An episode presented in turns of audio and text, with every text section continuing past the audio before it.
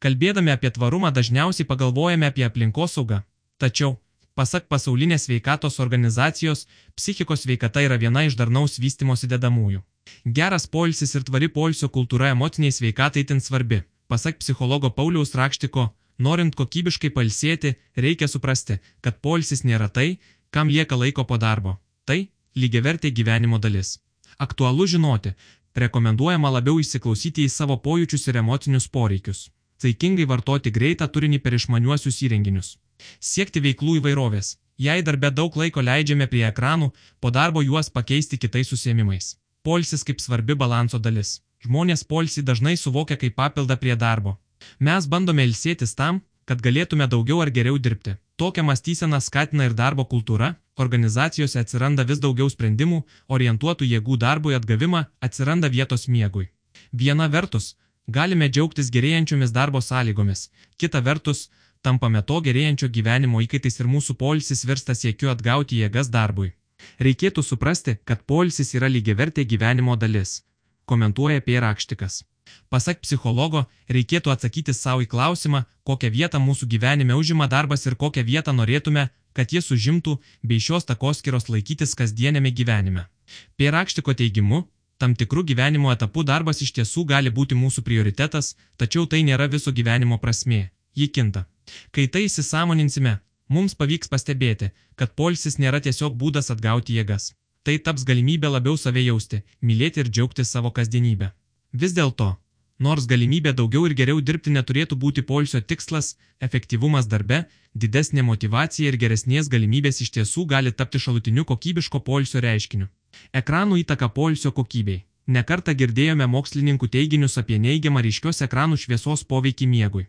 Štai Amerikos pediatrijos akademijos tyrimas atskleidžia, kad vaikai, kurie prieš miegą naudojasi mažu ekranu išmaniuoju telefonu ar planšete, Miega 20 minučių trumpiau ir dažniau jaučiasi nepakankamai palsėję. Vaikai, kurie miega kambaryje su televizoriumi, miega 18 minučių trumpiau nei tie, kurių kambariuose televizoriaus nėra.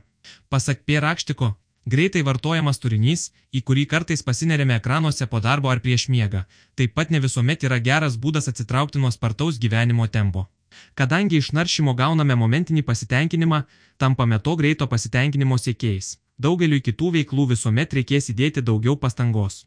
Tuo metu telefonas mus labai greitai nugramzdina į srautą ir mes tarsi užsimirštame. Užsimiršti žmonės labai dažnai nori ir siekia, kai gyvena intensyvų gyvenimo būdą, komentuoja psichologas.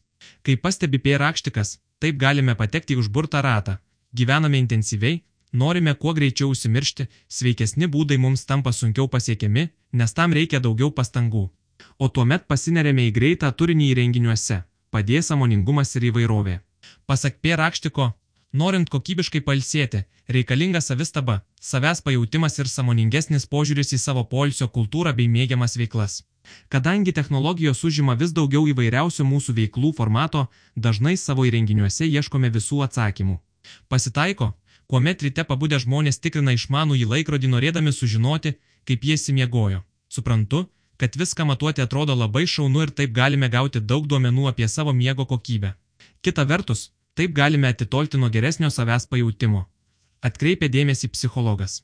Pierakštiko teigimu, mūsų savijautai padeda įvairovė. Jei mūsų darbo veikla yra susijusi su ekranais, tuo pačiu būdu palsėti nėra pati geriausia mintis. Siekiant išlaikyti pusiausvyrą ir įvairovę, kuri geriausiai padeda palsėti bei atsitraukti nuo darbinės veikos, reikėtų atkreipti dėmesį į tai koks yra mūsų darbas ir bandyti likusį laiką paversti kiek įmanoma kitokiu. Jei dirbu biure, man verta išlysti į lauką, jei mano dabas labai dinamiškas, galbūt važinėju tarp kažkokių objektų, gal kaip tik ramus buvimas namuose prie tų pačių ekranų man bus kitokio pobūdžio veikla, kuri padės palsėti, sako jis, geros miego kokybės veiksniai, pakankama miego trukmė, viena svarbiausių gero poilsio sąlygų.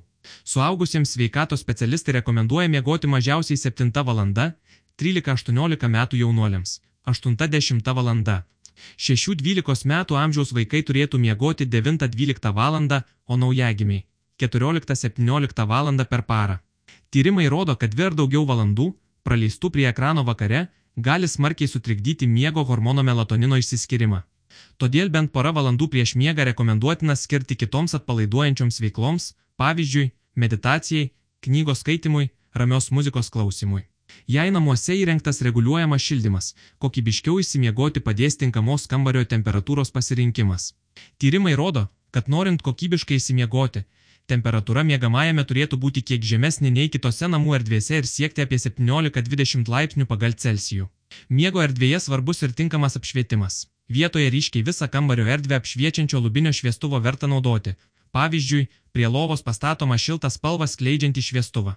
Subtilus apšvietimas ne tik kurs jaukę atmosferą, bet ir bus daug palankesnis miego hormono melatonino gamybai.